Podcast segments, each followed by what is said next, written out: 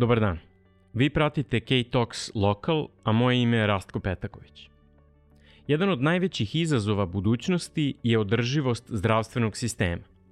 Ogroman napredak medicine, biotek, tehnologija, farmacije i drugih povezanih oblasti predstavlja ogromnu priliku.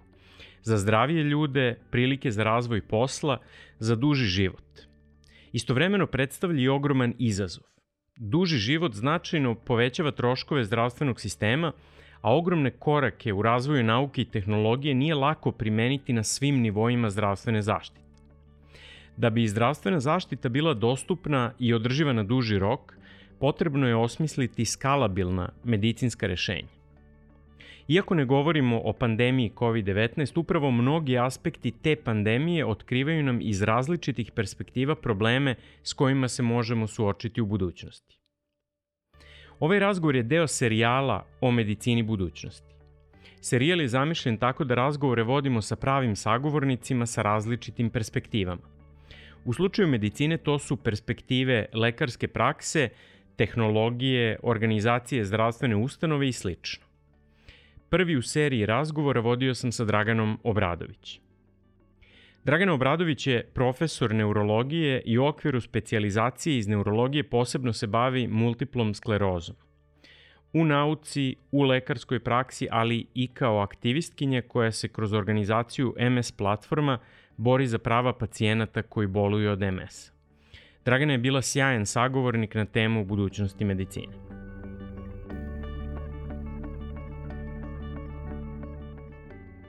Pa evo da krenem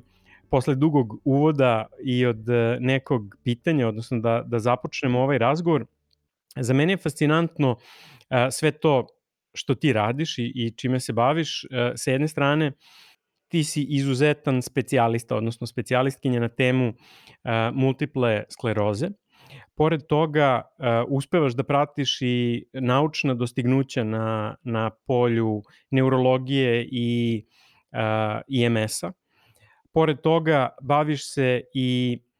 nevladinim radom kroz podizanje svesti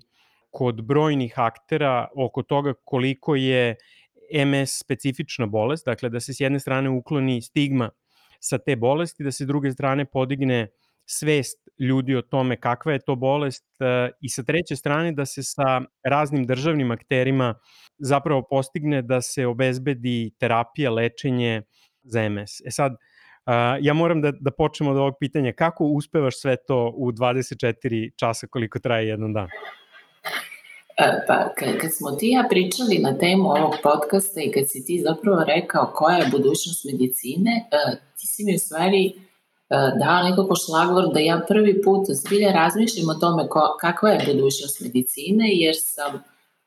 utopljena u ovom svakodnevnom radu i zapravo ovoj borbi koju si ti spomenuo da obezbedimo, kad kažem mi, mislim na čitav sistem, da obezbedimo terapiju za ljude koji su bolesni od multiple skleroze. Dakle, ja se bavim nečim što se podrazumeva da oni koji su bolesni mogu svi da imaju pristup terapiji. I kad razgovaram sa ovim mojim kolegama cenjenim stručnjacima, neurolozima širom sveta, za njih je potpuno neshvatljivo kako je moguće da se ne leče svi ljudi koji su bolesni od ove bolesti, a postoji 14 lekova. Tako da bavim se svakodnevnim banalnim stvarima i dokazivanjem nečega što je opšte poznato i uopšte nisam razmišljala o nečemu zapravo što je suština i što su bitne demarkacione linije kuda ide medicina i šta sve mi kao doktori možemo ključno da doprinesemo njenom razvoju i implementacije cele te budućnosti uz jednu bitnu napomenu koja kod nas uopšte ne postoji u svesti, a to je da su pacijenti i članovi njihovih porodica ključni partneri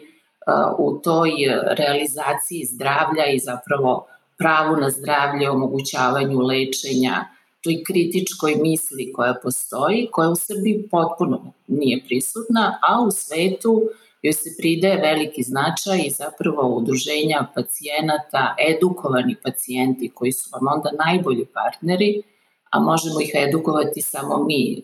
doktori,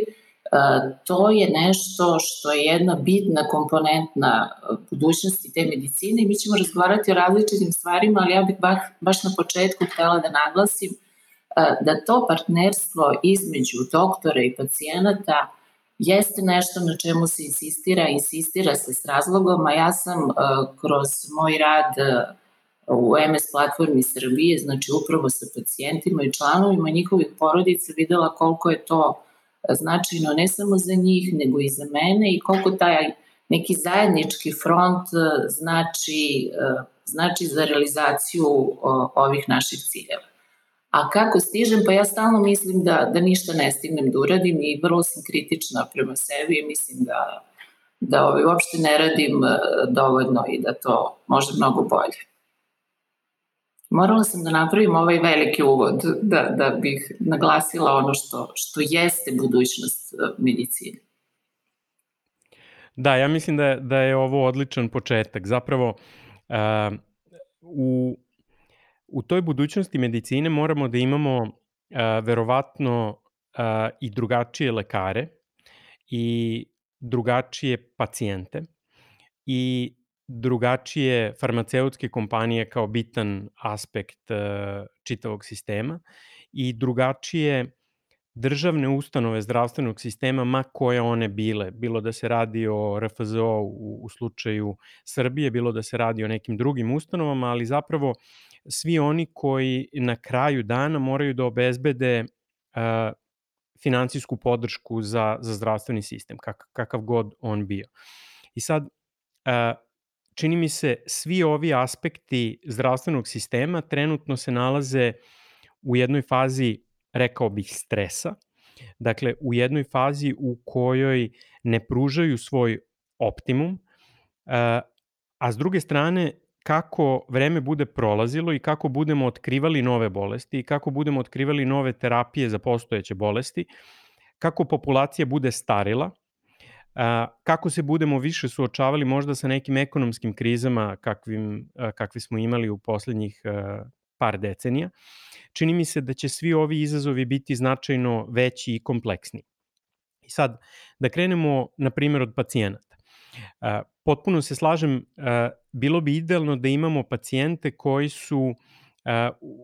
organizovani u neka udruženja i koji u otvorenoj komunikaciji sa doktorima dolaze do nekih svojih saznanja i postaju neki pravi partner u toj budućnosti medicine. Dakle, sve to kada, sve to kada uzmemo u obzir, opet imamo i pacijente koji možda nisu baš presrećni da se organizuju udruženja ili nemaju pravi način da tu svoju ambiciju i tu svoju želju ostvare, pa ne znam, bivaju prinuđeni da umesto toga za neke bolesti traže rešenje u alternativnoj medicini, traže rešenje u, na internetu sami i čini mi se da to partnerstvo između uh, lekara i pacijenta bi moralo da bude uh, osnaženo. I sad, koji bi bio, koji bi trebalo da bude prvi uh, korak ka tome, to je moje pitanje, a sve u kontekstu toga da uh, su lekari možda i preopterećeni i uh, i da su pacijenti preopterećeni, dakle kako da se to partnerstvo, na primjer kao partnerstvo koje postoji između MS platforme i, i pacijenata koji boluju od, od MS-a, da se replicira i na druge bolesti i na druge slične tegobe? Na ovim početcima, kad to još nije uspostavljeno i još ne funkcioniše kako treba i uopšte ne postoji ta svest o, o značaju pacijenata koji su u nekoj poziciji potpune pasivnosti i objekata i koji čekaju šta će da im se desi, ključna uloga je zapravo na lekarima. E, moj angažman je krenuo od toga što ja već 10-15 godina u vreme kad postoje lekovi za multiplu sklerozu, koristit ću to kao primer jer je to nekako paradigma svega ostalog, Znači, postoje lekovi za multiplu sklerozu koji e, tu tešku bolest mogu da zaustave i da je kontrolišu i da ljudi umesto da završe kao teški invalidi mogu da vode jedan normalan i kvalitetan život. Istovremeno, U Srbiji se leči samo nekih 10% ljudi i to lekovima najmanje efikasnosti. Znači mi imamo čitav jedan asortiman lekova. I sad sam ja u poziciji već 10 godina da svojim pacijentima objašnjavam kako to nije više ista bolest, kako postoji mogućnost da se leči i kada oni normalno kažu kad počinjemo s lečenjem, da kažem da ti lekovi u Srbiji nisu dostupni. I posle sam našla da postoji jedan izraz koji se odnosi upravo na lekare, a koji se zove moralni distres i koji je definisan tako da vi kao doktor znate šta treba da radite, kako da lečite pacijente, a nemate mogućnosti da ih lečite. I znači kao posledica te jedne uh, ozbiljne, teške, stručne frustracije i nemogućnosti da se kroz uh, moj esnav, znači kroz institucije koje postoje u okviru samih neurologa i onih koji postoje prilikom RFZO-a bilo šta promeni, nastala je ta moja inicijativa koja je e, sa mojim pacijentima, znači sa ljudima koji ja lečim, a koji nemaju terapiju, e, e, koji su bili voljni i spremni da naprave taj korak upravo zbog toga da bi, da bi dobili lek. Znači u ovoj situaciji kakva je u Srbiji, jako je bitno da lekari budu ti koji će biti inicijatori pokretanja ovih udruženja i da rade zajedno sa, sa pacijentima. Jer ja mislim da je to jedna od osnovnih uloga lekara. Znači, naše je da postavljamo diagnoze i lečimo, a ako nemamo mogućnosti da lečimo onako kako se leče ljudi u svetu, mi moramo da pokrenemo tu inicijativu koja će biti usmerena i prema pacijentima, znači da ih edukujemo koje su mogućnosti jer se ispostavilo da u ovom konkretnom slučaju bolesni ljudi i članovi njihovih porodica uopšte ne znaju da postoje lekovi, uopšte ne znaju kakav to može da ima impakt i koliko može da promeni njihove živote. Jer kad god imate e, bolest pacijenta, bolesnika, to je nešto što ne definiše samo njegov život, ta bolest. Ona potpuno određuje i porodicu i bliže članove, tako da je jako bitno to to uključivanje i učešće u, u porodici, što i ti sam znaš, e, a s druge strane, e, ovaj, lekari nekako iz razloga koji su meni poznati, ali su mi potpuno neshvatljivi, ne odlučuju se da rade svoj posao, jer ponavljam, to jeste njihov posao. Ne radi se o tu ni o kakvom suprotstavljanju sistemu, to je nekako sklono da se vrlo banalno politizuje i, i vrlo pogrešno. Radi se zapravo o ono što smo mi radili o skretanju pažnje da postoji problem koji može da se reši i da tako zajedno dođemo do, do tog rešenja. To je, to je super odgovor i želim da malo uh, produbimo uh, razgovor na tu temu. Konkretno, uh, pre svega, da, da voleo bih da konstatujemo jednu stvar za sve one koji možda i dalje imaju pogrešne uverenja o multiploj sklerozi, da, da to nije bolest koja u ovom trenutku osuđuje pacijenta na trajni invaliditet, na potpuno isključivanje iz radnog života, na potpuno isključivanje iz socijalnog života, dakle da postoje terapije zahvaljujući kojima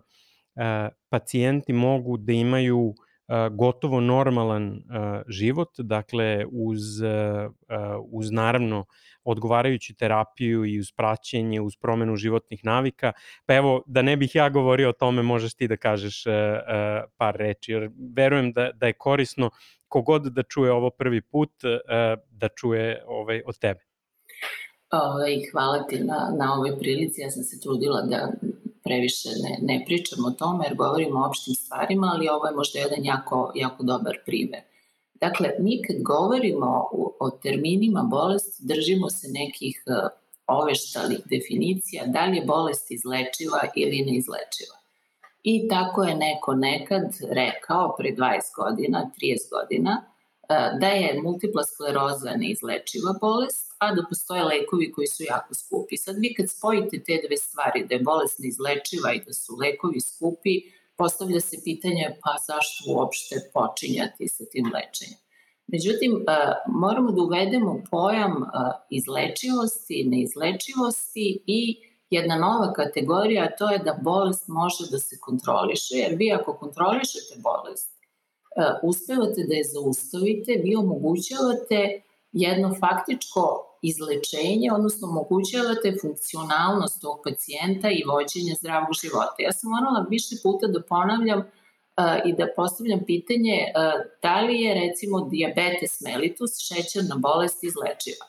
Znači, da li vi možete da date neki lek i da vi kažete, e, pacijent više nema diabetes mellitus. Znači, to je nešto što je jako prošireno u, u populaciji.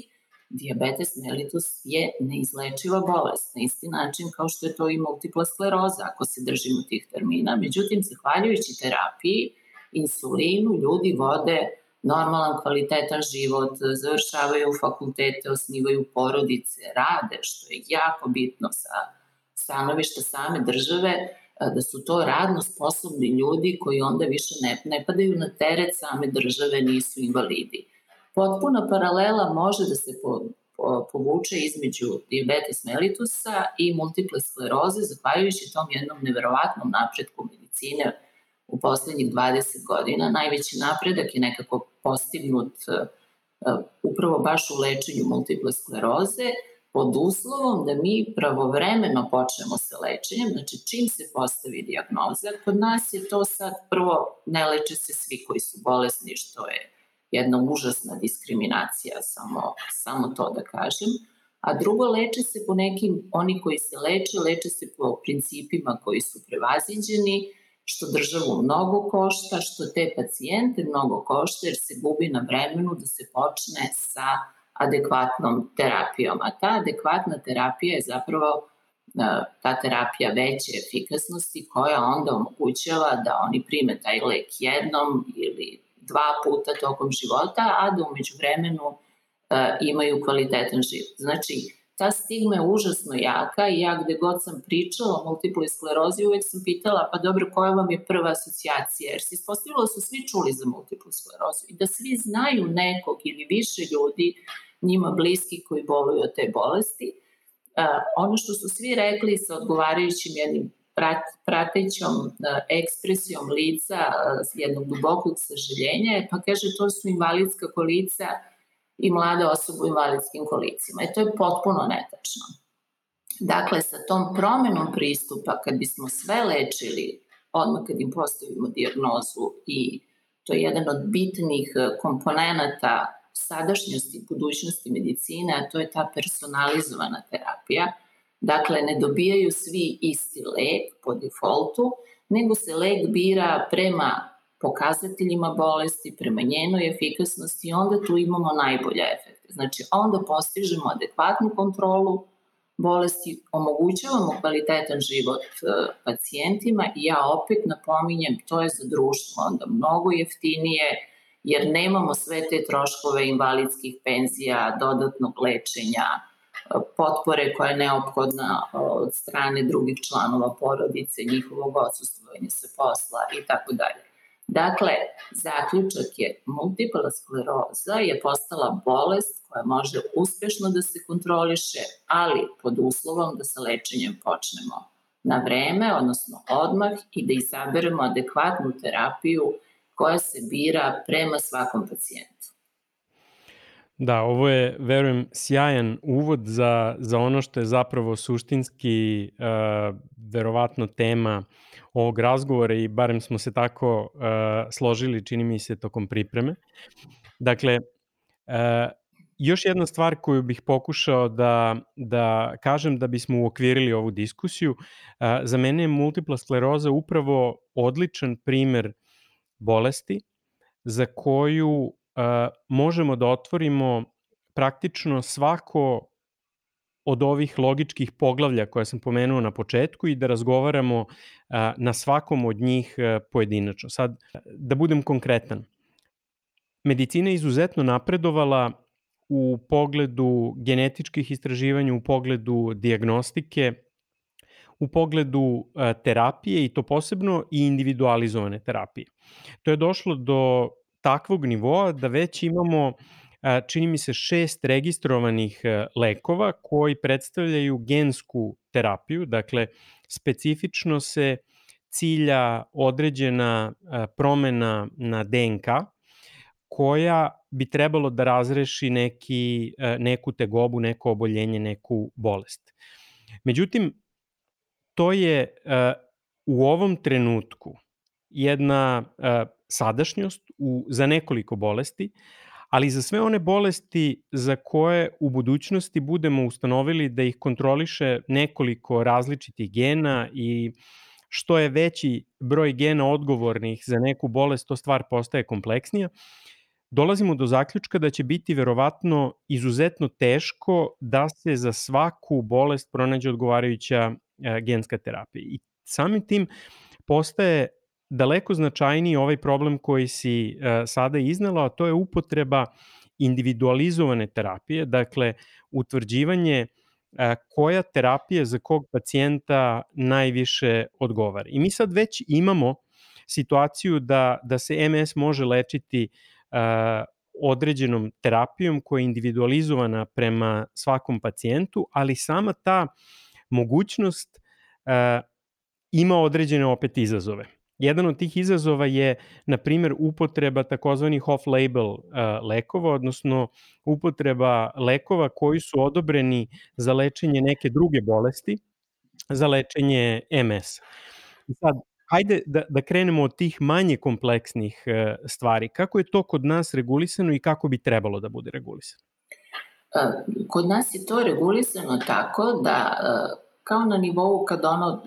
recimo neki baka ili deka dobiju neki lek prepisan od svog doktora, onda oni izvede ono uputstvo koje postoji u kutiji leka i pročitaju čemu on služi. Dakle, naše zakonodavstvo zdravstveno se potpuno povinuje prema onome što farmaceutska kuća u tom, tom uputstvu napiše i ako je lek registrovan, odnosno ukoliko je njegova indikacija neka od tih bolesti, to naše zdravstvo uh, prihvata. Ja moram da kažem da je to potpuni presedan, znači davanje prednosti mišljenju farmaceutske kuće u odnosu i nečemu što je već prevaziđeno, znači što već postoji u praksi, u odnosu na ono što je aktualna medicina i što je mišljenje doktora. To nigde ne postoji E,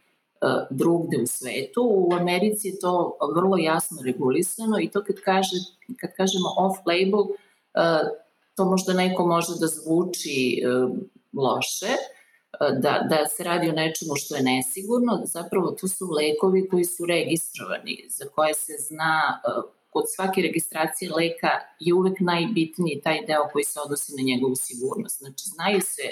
njihovi sigurnosni profili i obzirom da su već u upotrebi dugo vremena u nekoj drugoj indikaciji, znači imamo još tu dodatnu, vrlo značajnu informaciju njihove sigurnosti u jednom dugom periodu koju nemamo uvek za nove lekove, jer se oni uvek odnose na neki period od, od par godina. Dakle,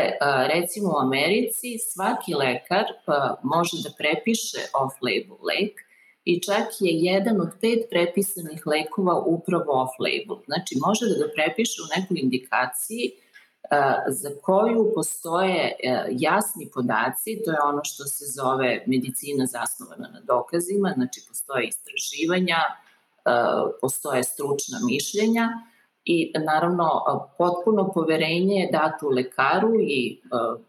bolnici u kojoj on radi, jer su lekari inače imaju takav status da su oni vrhovni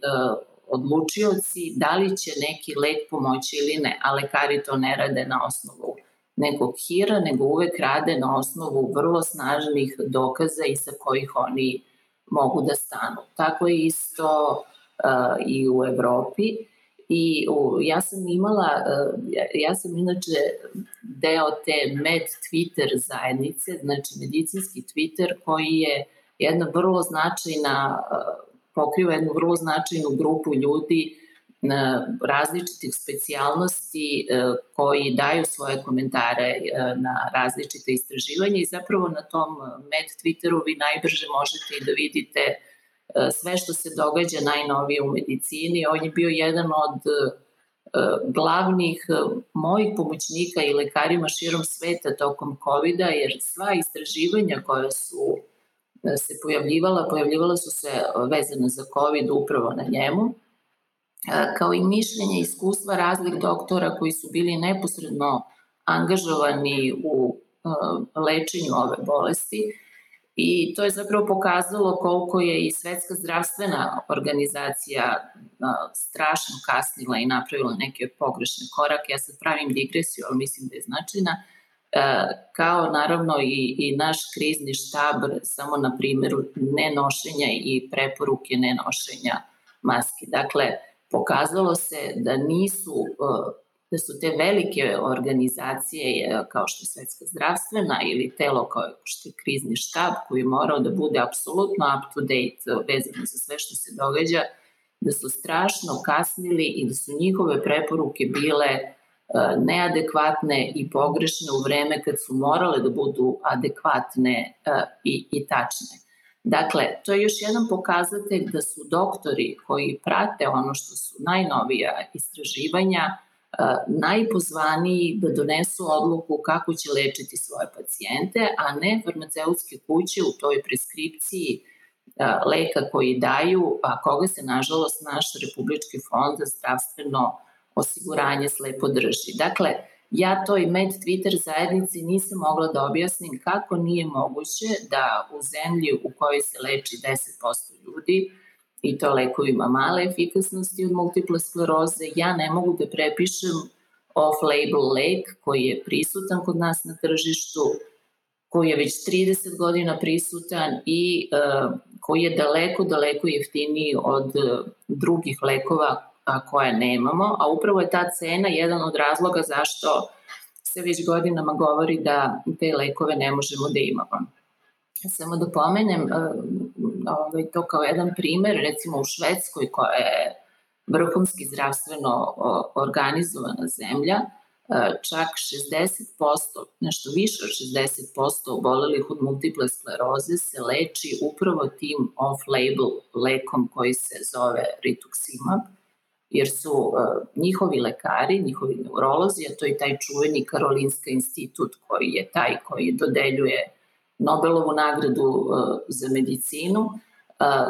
procenili da imajući u vidu mehanizam delovanja tog leka, njegov izvanredan sigurnosni profil, da je to najbolji lek za brzo postizanje upravo ovoga o čemu sam govorila, kontrolisanja multiple skleroze. Dakle, kod nas je jako bitno, ovo je primer samo za multiplu sklerozu, ima tih primera još, da se dozvoli prepisivanje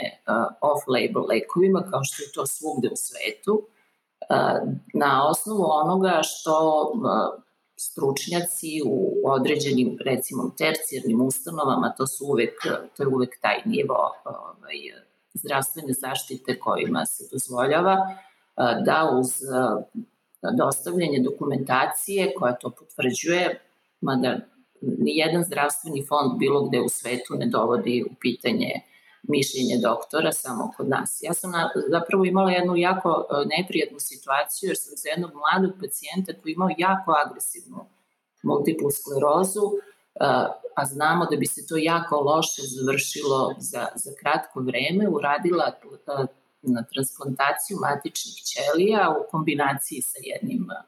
imunosupresivnim protokolom, onako kako se to radi, zašto pre, postoje preporuke i postigli smo fantastičnu kontrolu bolesti, on ima jedan normalan i kvalitetan život od tada, da mi je Republički fond, odnosno njegov okrenak u Beogradu, to vratio i rekao da to nije ne, priznata metoda i da je to ovaj, potpuno neadekvatno i da ja moram da snosim troškove tog lečenja. Ja sam onda dostavila dokumentaciju sa referencama, sa svim uh, značajnim istraživanjima koja to potvrđuju, da oni to uopšte nisu ni pogledali. Dakle, to je nešto što, što si ti spomenuo, naš zdravstveni sistem mora mnogo da se menja. Republički fond za zdravstveno osiguranje je jedna ustanova koja ne komunicira sa pacijentima. To je nedopustivo, to prosto počelo od toga da je stvar lošeg vaspitanja, ima i onaj drugi nivo da pokazuje na taj način da nema nikakvu empatiju za bolesne ljude. A to su ljudi koji godinama uplaćuju upravo taj fond koji raspolaže ogromnim, ogromnim novcem uplaćuju da bi bili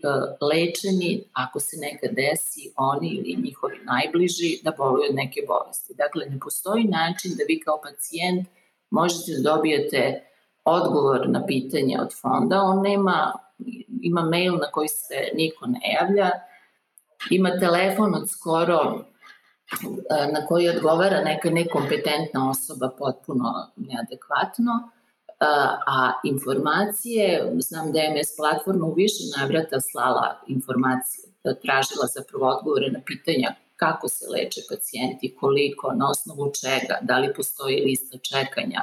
što im se godinama zapravo lažno govorilo, i da nikad nisu dobili nikakav odgovor, da su onda preko poverenika za informacije morali, znači to, to je nedopustivo da, da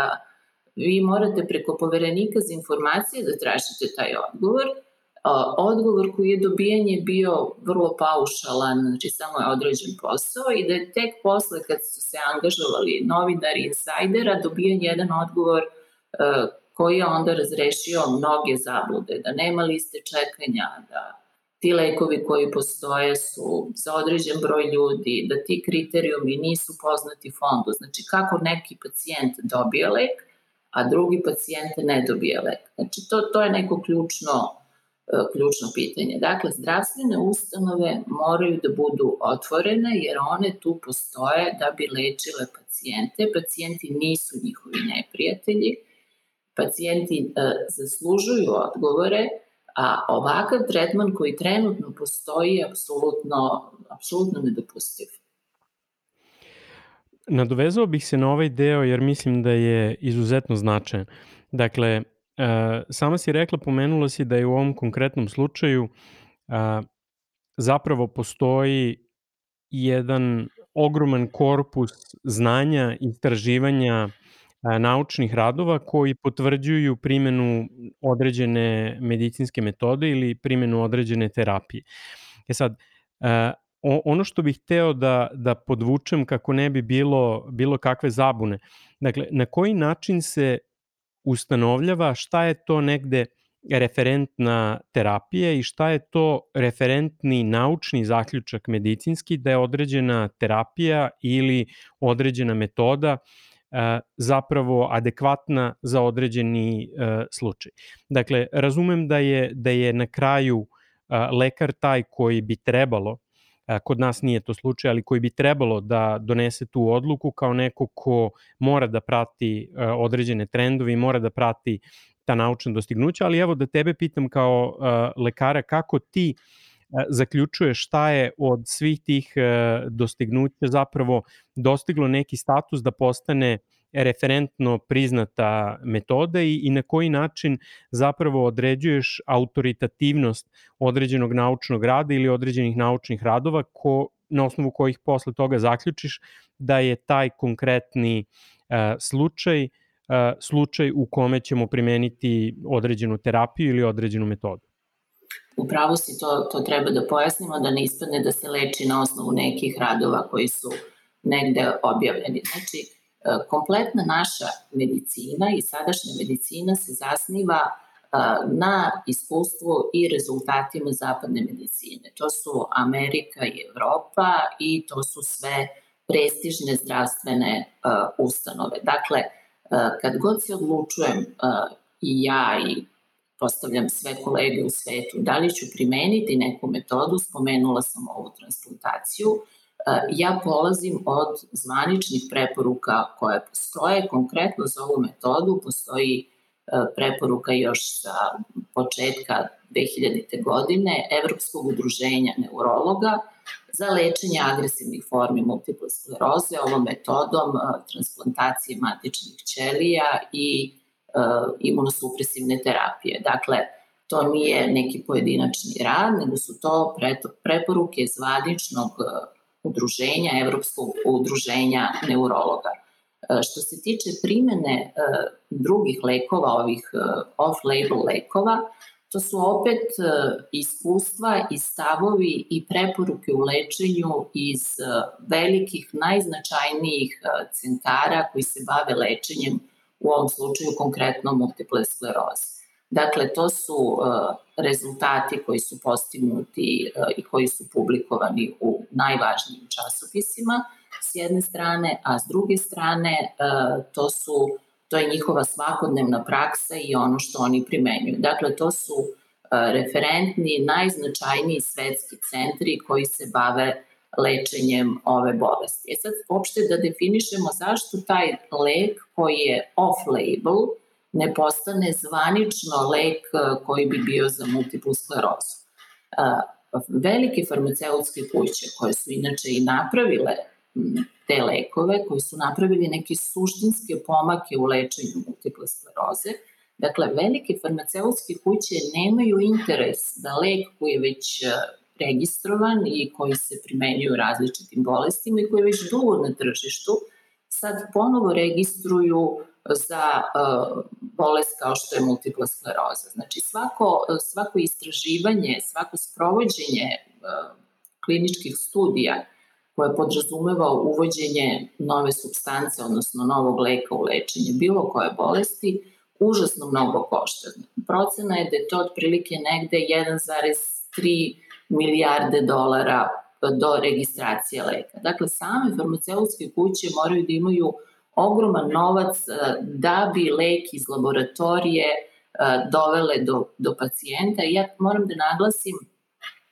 da zahvaljujući njima i zahvaljujući tim istraživanjima koja zahtevaju mnogo novca, da su napravljeni ključni pomaci u medicini, tako da mi imamo od toga da je recimo karcinom dojke postao potpuno izlečiv, do ovoga što si ti spominjao, znači što je gotovo na nivou science fictiona da sad postoji mogućnost da za izvesne bolesti, kod nas je bilo puno govora ove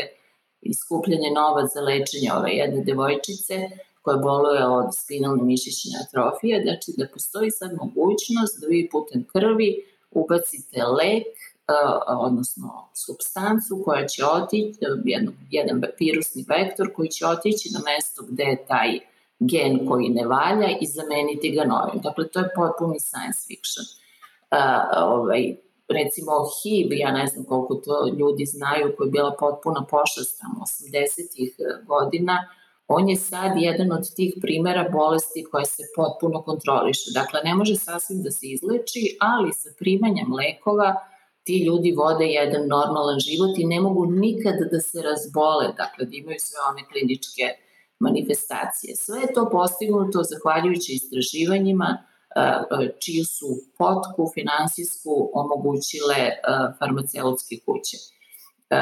Dakle, one vuku medicinu napred zajedno sa doktorima, zajedno sa istraživačima koji omogućavaju te neke suštinske pomake. S druge strane, one stvarno nemaju nikakav interes da recimo konkretno taj rituximab, koji je jedan fantastičan lek prisutan već 30 godina i koji je prvo krenuo u hemato-onkologiji za razne vrste limfoma i leukemija, pa onda u reumatologiji za reumatoidni artritis, da one sad obave istraživanje koje će završiti tako što će se formalno dobiti ta, taj label, odnosno ta indikacija za, za multiplu sklerozu. S druge strane, paralelno sa farmaceutskim kućama i istraživanjima koje one sprovode, u kojima mi lekari učestvujemo i naravno pacijenti, i koje su, ponavljam, napravile ogromne pomake u, u, u lečenju i promenile, produžile život ili potpuno promenile život velikom broju ljudi, postoji nešto što se zovu akademske istraživanja. Akademske istraživanja su ona koje obavljaju sami doktori, odnosno to su kliničke studije koje rade doktori u nekoliko centara, one su uvek internacionalna, uvek multicentrična, gde se upravo za ovakve, e, e, za ovakve primere gde znamo da postoji osnov da je lek e, delotvoran, već imamo neke iskustva, rade istraživanja koje će to i da, da potvrde. Ta akademska istraživanja zahtevaju veliki trud, znanje i ogroman entuzijazam lekara da pored svega onoga što rade, odrade ta istraživanja na način i poštujući sva, sva pravila i upravo su ta akademska istraživanja nešto što predstavlja jednu od budućnosti medicine. Dakle, pored onog što se radi u okviru velikih istraživanja fundiranih farmaceutskim kućama, sada je jedan trend koji ima trend možda ne zvuči najbolje, ali zapravo postoji čitav jedan pokret među lekarima da pošto imamo puno lekova koji su registrovani za druge bolesti, možda nekako upravo ta, taj deo koji se odnosi na maligne bolesti imao najviše,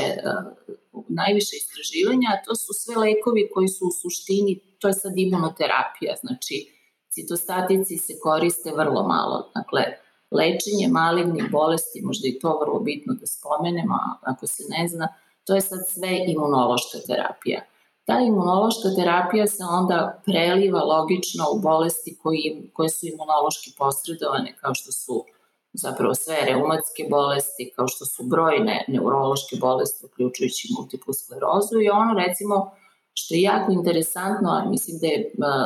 da su to bolesti koje su do sada uvek tretirane kao bolesti koje spadaju u domen psihijatrije, da, da imamo sve više naznaka gotovo sigurno da je autizam jedna od tih imunološki posredovanih bolesti, o čemu se jako malo zna, naročito kod nas. Dakle, doktori postaju ti koji lekove koji već postoje, ako ne postoji uh, interes samih farmaceutskih kuća iz razloga koje sam spomenula, ne postoji, uh, da oni pokažu i da dokažu da postoji mogućnost njihove e, primene u drugim bolestima. Konkretno za, za multiplu sklerozu je sad u, u toku e, istraživanje e, metformina, odnosno gluformina, to je lek koji je poznat za lečenje šećerne bolesti, statina, to su lekovi koji se koriste za snižavanje holesterola, ali koji imaju i mnoge druge vrlo značajne protektivne uloge vezane za centralni nervni sistem i mislim da, da, da je to jedna jako, jako bitna komponenta i da predstavlja jednu značajnu mogućnost uh, u, u poboljšanju lečenja u čitavom uh, nizu bolesti. A zaključak, uh, ja svaki put odem, čini mi se jako široko na, na svako tvoje pitanje, ali u, u želji da to bolje objasnim, ali je zapravo zaključak da ništa što se radi E, se ne radi na osnovu nekih proizvodnih e, osjećaja, mišljenja, nego da se uvek zasniva na preporukama koje postoje ili iz nekih e, referentnih centara i ponavljam, ne može svaki lekar da napiše off-label lek ni tamo, nego to se uvek radi u okviru bolnica i tih tercijarnih najviših nivoa, nivoa lečenja. I e, čitav odnos prema doktorima u svetu je bitno različito od ovog ovde, e, gde zapravo njih stavlja e, kao vrhunske repere u donošenju odluka o lečenju, pri čemu se sa velikim uvažavanjem sluša i poštuje to što oni prilažu kao, kao dokaze za lečenje. Ili što bi meni rekla jedna koleginica neurolog iz Nemačke, Nikad se nije desilo da neurolog prepiše neki lek, recimo koji je off-label, a da mu to bude osporeno od fonda, jer to se prosto ne dovodi uh, u pitanje. Kvalitetna medicina budućnosti se u velikoj meri zasniva na svim ovim novim istraživanjima, zasniva se na upotrebi novih e, terapija, pa čak i kada su, u nekim slučajevima će to biti off-label terapija, u nekim slučajevima će biti moderne terapije kao što su ova genska terapija ili, na primjer, terapija matičnim e, ćelijama koje su sve više rasprostranjene u, u barem u istraživanjima za sada, sve više i u, i u terapijama raznih bolesti. Uh, E, međutim, u velikoj meri medicina mora da se oslanja i na primarnu zdravstvenu zaštitu. I sad, da bi, e, da bi ceo sistem mogao da funkcioniše, potrebno je da se medicinska znanja e, kako u pogledu diagnostike, tako i u pogledu tih najnovijih dostignuća, zapravo spuste i sa tih najviših nivoa i prema lekarima koji su koji rade u tom primarnom delu zdravstvene zaštite. Kako ocenjuješ trenutno stanje tog sistema ili tog podsistema, možda bilo pravilnije reći, i šta bi trebalo da uradimo kako bi on bio bolji u budućnosti. I možda da ti dam određeni kontekst ovog pitanja. U pripremi čitavog ovog serijala počeo sam da čitam uh, knjigu Erika Topola uh, Deep Medicine, video sam da si ga retvitovala, čini mi se juče povodom ove uh, neverovatne stvari koje se desila prilikom jednog PCR testa, ali uh, jedna od stvari koja me je zapravo izuzetno iznenadila i uh,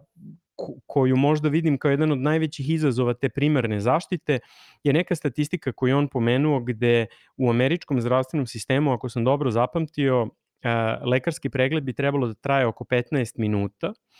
i e, ukupno jedan minut od tih 15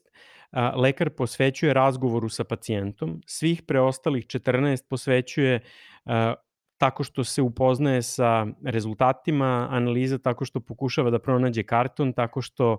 e, pokušava zapravo da dođe do nekih podataka kojima bi mogao da obavi taj razgovor od jednog minuta. E sad, u kontekstu te činjenice kako ta situacija izgleda kod nas danas i kako izgleda ili kako bi trebalo da izgleda taj transfer znanja koji bi trebalo da se desi od e, naučnih saznanja pre svega, pa sve do tog e, primarnog sistema zaštite? Izgleda jako loše jer su e, kolege koji su u primarnoj zaštiti, oni su stvarno neka baza i ako oni dobro funkcionišu, onda postoji neka, do, e, neka mnogo manja distribucija tih pacijentima, ka, pacijenata ka tim takozvanim sekundarnim, meni to sve nekako zvuči bez veze, kad kažem sekundarni tercijarni, ali sam na kraju usvojila te izraze, znači da postoje pacijenti koji zahtevaju lečenje, ispitivanje u nekim višim nivoima zdravstvenih ustanova, a viši su zato da ne bude zamene, da su ovi niži,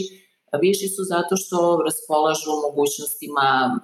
diagnostike i lečenja koje ne postoji u toj primarnoj zdravstvenoj zaštiti. E, jako je loše postavljeno i, i ta minutaža koja je data e, lekarima u primarnoj zdravstvenoj zaštiti se produžava i na, na ovu sekundarnu i na tercijarnu, jer recimo kad ja imam svoju ambulantu, ja imam zakazano 22 pacijenta koje treba da, da uradim za 7,5 sati. To je kvalitet koji, kojim nisu zadovoljni ni pacijenti ni ja. Znači, jedan jako bitan deo doktorskog posla koji, koji treba i doktorima kao što treba i pacijentima da vi možete da kažete lepo dobar dan, da, da ovaj, razgovarate s pacijentom, da ga znate, da pitate za porodicu, jer vi kad ste bolesni, vama je potrebna sva moguća empatija i sav mogući placebo koji proističe iz doktora kao stručnog autoriteta koji možete da dobiti. To je jedna jako bitna razmena e,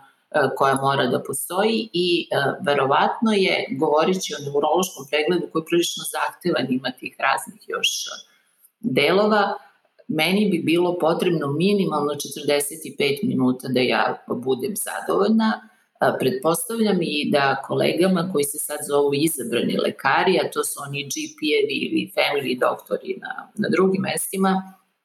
je takođe potrebno bar nekih 35 minuta da bi mogli normalno da, da razgovaraju i da adekvatan urade pregled. Ovo se sad sve svodi na neku brzu stručnu orijentaciju, a, i zadovoljavanje ispunjavanja raznih formulara i oni sad i, i pišu, pošto sam ja nedavno po prvi put išla zbog otvaranja bolovanja i kolega koji me zna i zna da sam doktor, mislim da je samo u jednom trenutku bacio brz pogled na mene, a sve vreme je bio zauzet oko ispunjavanja uh, svega toga što treba i to smo uspeli da završimo, to je on u nekih 7 minuta. Meni je kao, kao lekaru i kao pacijentu bilo jako neprijatno, ali eto, to, to je tako. Dakle, to mora da, se, mora da se suštinski promeni i mora da se zna zašto se ide kod uh, lekara i ti lekari moraju da imaju veće ingerencije, a ne kao sada da se bave samo nekim najbanalnijim prekladama, izdavanjem recepata i bolovanja. Da bi mogli tim da se bave, potpuno se slažem, neophodna je njihova stalna edukacija koja mora da ide opet sa ovih viših nivoa. Znam konkretno, pošto je moj muž kardiolog i oni rade sad te ta interventna kardiologija, znači pacijenti koji, do, to je jedno od fantastičnih dostignuća medicine, da ga, da ga spomenemo, znači neko dobije infarkt, za sat vremena on se već nalazi na stolu u kateterizacionoj sali, otpuši se taj tromb koji je začepio arteriju koja hrani srce i koji bi mogu da dovede ili do smrti ili do teškog invaliditeta, oni ubace neki stent – koji omogući da ta arterija normalno funkcioniše i taj isti pacijent već sutradan ide kući. Znači, to su te neke mnogo, mnogo dobre stvari. E sad, vi kao kardiolog u tercijarnoj zaštiti, vi nemate prostora, jer radite stalno te intervencije, nemate prostora da sve te pacijente koje ste uradili možete da kontrolišete i da pratite, a vrlo je bitna ta terapija posle tog uh, PCI-a da bude adekvatna. To bi mogli bez problema i vrlo kvalitetno da rade lekari u primarnoj zaštiti, ali da bi znali šta i kako, oni moraju da budu edukovani. I to naravno važi, ovo je samo jedan od primera, a važi za, za, i za kontrolu šećerne bolesti i za razne, razne druge uh, internističke bolesti. Uh, to mora da bude uh, stav i pravac rada Ministarstva zdravlja. U ovom trenutku tu ne postoji nikakva, nikakva ideja, bar koja sam ja svesna, a svesna sam. I to je nešto što, što će biti strašno, strašno bitno, jer uh, ukoliko to ne uradimo, imaćemo taj neprestani začarani krug nezadovoljstva i moguće uh, loše medicine i lošeg lečenja, uh, nezadovoljstva koje uh, on, evo ovo nešto što treba pacijenti da znaju koliko su oni nezadovoljni, takođe su i doktori nezadovoljni, su pretvoreni u neke e, bezimene mašine koje završavaju neke poslove na način e, koji nije kvalitetan i dobar. Znači mora da se uradi jedna suštinska reforma e, e, to, te primarne zdravstvene zaštite koja će se onda jako povodno odraziti i na, na same ovaj, više nivoje zdravstvene zaštite, opteretit će, manje će biti opterećeni nekim stvarima koje mogu da završe u primarnoj zdravstvenoj zaštiti i to je nešto što će morati da, da se svakako uradi. Ali kao što si rekao i Topol je pričao o tome, nekad i u Americi i u Engleskoj ti GP-evi su uh, bili uh, osnov uh, zdravstvene zaštite, ali kod njih se sad to svelo na, na nekoliko minuta i e, pružanja usluge. To se zbilja svelo ne na posetu lekaru gde vi treba da dobijete odgovore na e, te gobe koje imate, nego na neko elementarno pružanje usluge lišeno e, svakog ličnog i adekvatnog stručnog odnosa. Slažem se potpuno i hvala ti na ovom odgovoru. Za kraj hteo bih da se osvrnemo na situaciju sa, sa COVID-19. Konkretno ne e, na samu bolest koja je e, naravno ozbiljna i, i u smislu e, zarazi, u smislu efekata na e, i na zdravlje i na ekonomiju i na zdravstveni sistem, ali upravo bih se osvrnuo na efekat na zdravstveni sistem i uopšte efekat na čitavo društvo. Čini mi se da je dolazak COVID-19 doveo do nekako ubrzanja svih problema koji su i inače pogađali određene aspekte, da kažemo, kompletne ljudske aktivnosti, pa samim tim i zdravstva. Dakle, u vrlo kratkom periodu došlo je do toga da se bolnice zatvaraju zato da bi postale COVID bolnice. Samim tim je i, i pristup pacijenata svojim lekarima bio značajno smanjen, značajno ugrožen. Pristup terapijama je bio takođe značajno ugrožen u periodu kada su bolnice bile zatvorene zbog toga što nisu mogle da primaju nove pacijente. Minutaža lekara sa svojim pacijentima je smanjena, a potom i sve ove velike teme kojima smo započeli razgovor od toga da se na primer hlorokvin može ili ne može koristiti za lečenje za lečenje covid dakle kao jedan možda kontra primer ili primer nekog leka za koji je bilo potrebno da prođe još vremena kako bismo saznali, kako bi nauka zapravo rešila tu dilemu da li jeste, da li postoji ili ne postoji preporuka da se on koristi. Sa druge strane otvara veliki broj drugih problema kao što su na primer požurivanje u primeni određenih terapija ili požurivanje možda neke vakcine koja bi se mogla primeniti za sprečavanje COVID-19. Dakle, sve ono što zapravo predstavljaju probleme koji danas tište medicinu, sve je nekako kao da je pojačano na maksimum u vrlo kratkom vremenskom periodu. Kako se tebi čini sve to i koliko ti se čini da je ovo možda, iako naravno izuzetno teška situacija i za društvo i za zdravstveni sistem, zapravo jedna dobra prilika i rekao bih vežba, možda opomena da se neke stvari radikalnije promene i da možda otvorimo makar razgovor ili debatu oko toga kako bi mogla da izgleda budućnost medicine uh, sa rešavanjem svih ovih izazova koji su se odjednom desili? Stvari, odgovor na tvoje pitanje ima, ima nekoliko teza. Jedna od ovog što si ti spomenuo, u vreme COVID-a sve je bilo strašno ubrzano. I, i, I stvarno, lekari, istraživači širom sveta su na neverovatan način, prvo su to bili kineski doktori, pošto je kod njih e, sve i počelo, koji su u tim uslovima jednog potpunog ludila i kolapsa i medicinskog sistema – uspevali da izvuku neke vrlo bitne e, zaključke koji su vezani i zapravo da urade istraživanja i da ih prezentuju prvo na nivou tih observacijonih studija, znači on, ono što, što su videli, a posle da urade i prave randomizovane studije i e, svi ti podaci koji su stizali su bili užasno važni i značajni za ostatak sveta i, i zapravo u hodu kreirali način lečenja. E, s druge strane, to je i pokazalo koliko je zapravo e, medicina, odnosno ljudi koji se njom bave i sa stanovišta i sa pozicije lekara i sa pozicije istraživača, e,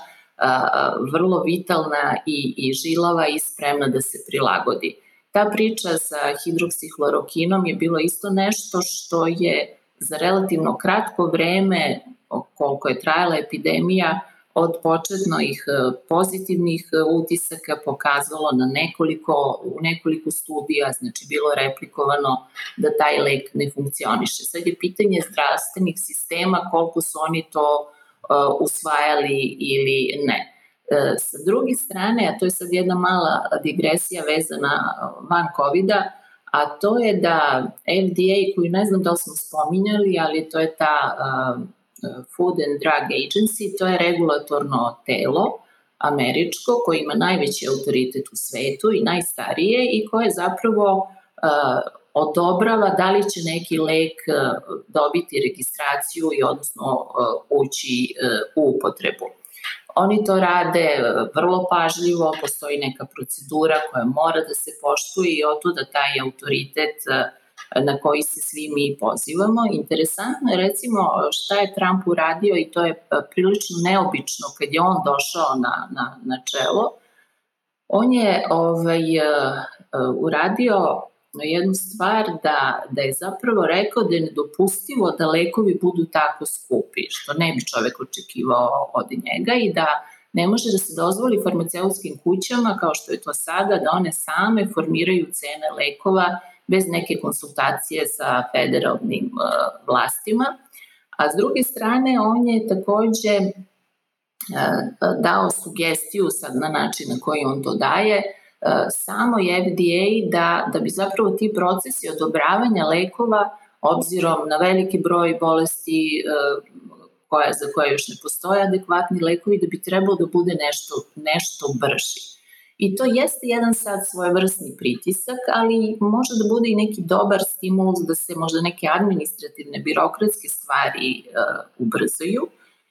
I takođe je uh, stimulisao da veliki broj tih generičkih lekova, generički lek je lek koji je isti za one koji ne znaju, kao i zvanični lek, ali kad istekne ta dozvola, odnosno patent farmaceutskoj kući za određeni lek koji ona uvela upotrebu, postoji mogućnost da e, razne druge farmaceutske kuće sintetišu isti taj lek i to se onda zove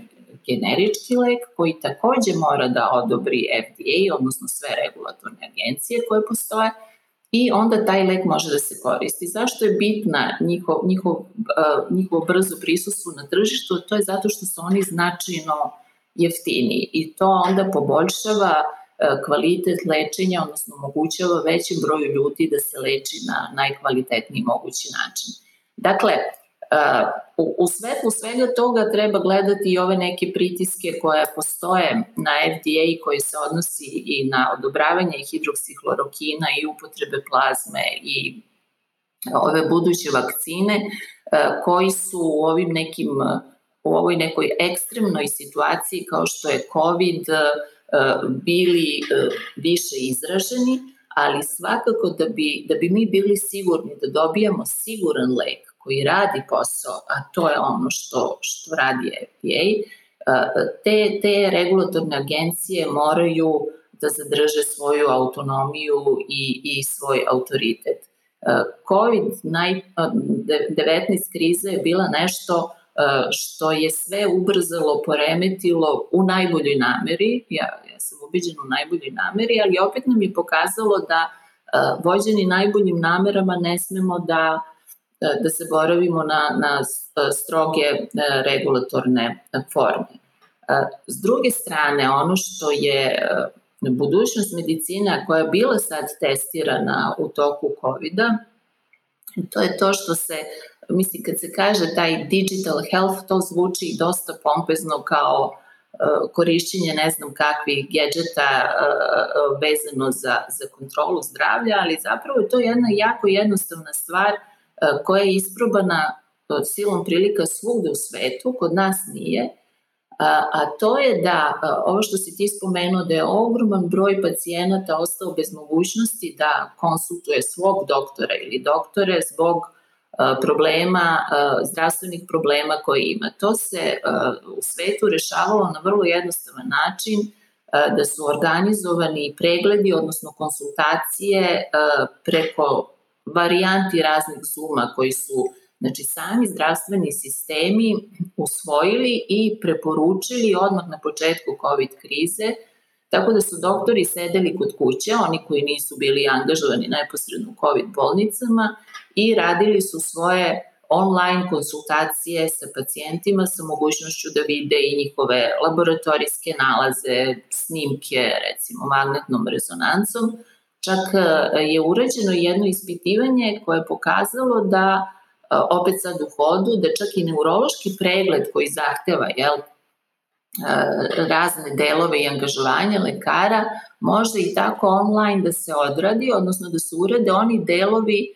koji su nama kao neurolozima bitni, na osnovu kojih možemo da zaključimo da li ima potrebe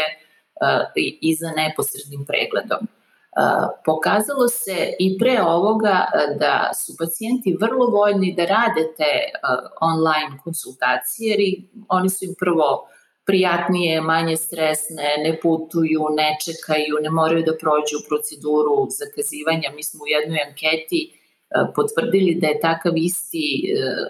stavi i naših pacijenata, a taj online pregled i inače u budućnosti može da bude nešto što može da kompletno reši problem uh,